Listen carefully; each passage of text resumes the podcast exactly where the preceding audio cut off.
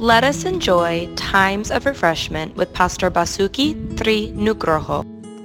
Shalom, Yohanes 10 ayat 3. Untuk dia, penjaga membuka pintu dan domba-domba mendengarkan suaranya dan ia memanggil domba-dombanya masing-masing menurut namanya dan menuntunnya keluar.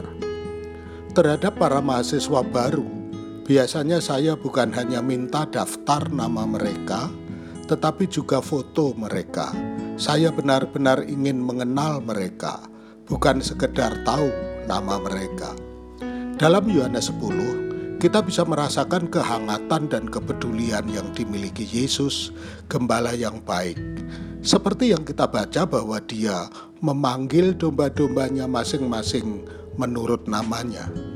Dia tahu lebih dari sekedar nama kita. Dia tahu pikiran, kerinduan, ketakutan, kesalahan, dan kebutuhan terdalam kita.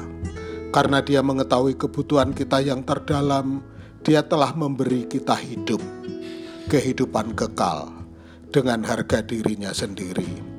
Seperti yang Dia katakan di ayat 11, Dia menyerahkan nyawanya bagi domba-dombanya. Kita tahu dosa kita memisahkan kita dari Tuhan. Jadi Yesus gembala yang baik menjadi anak domba dan mengorbankan dirinya menanggung dosa kita ke atas dirinya.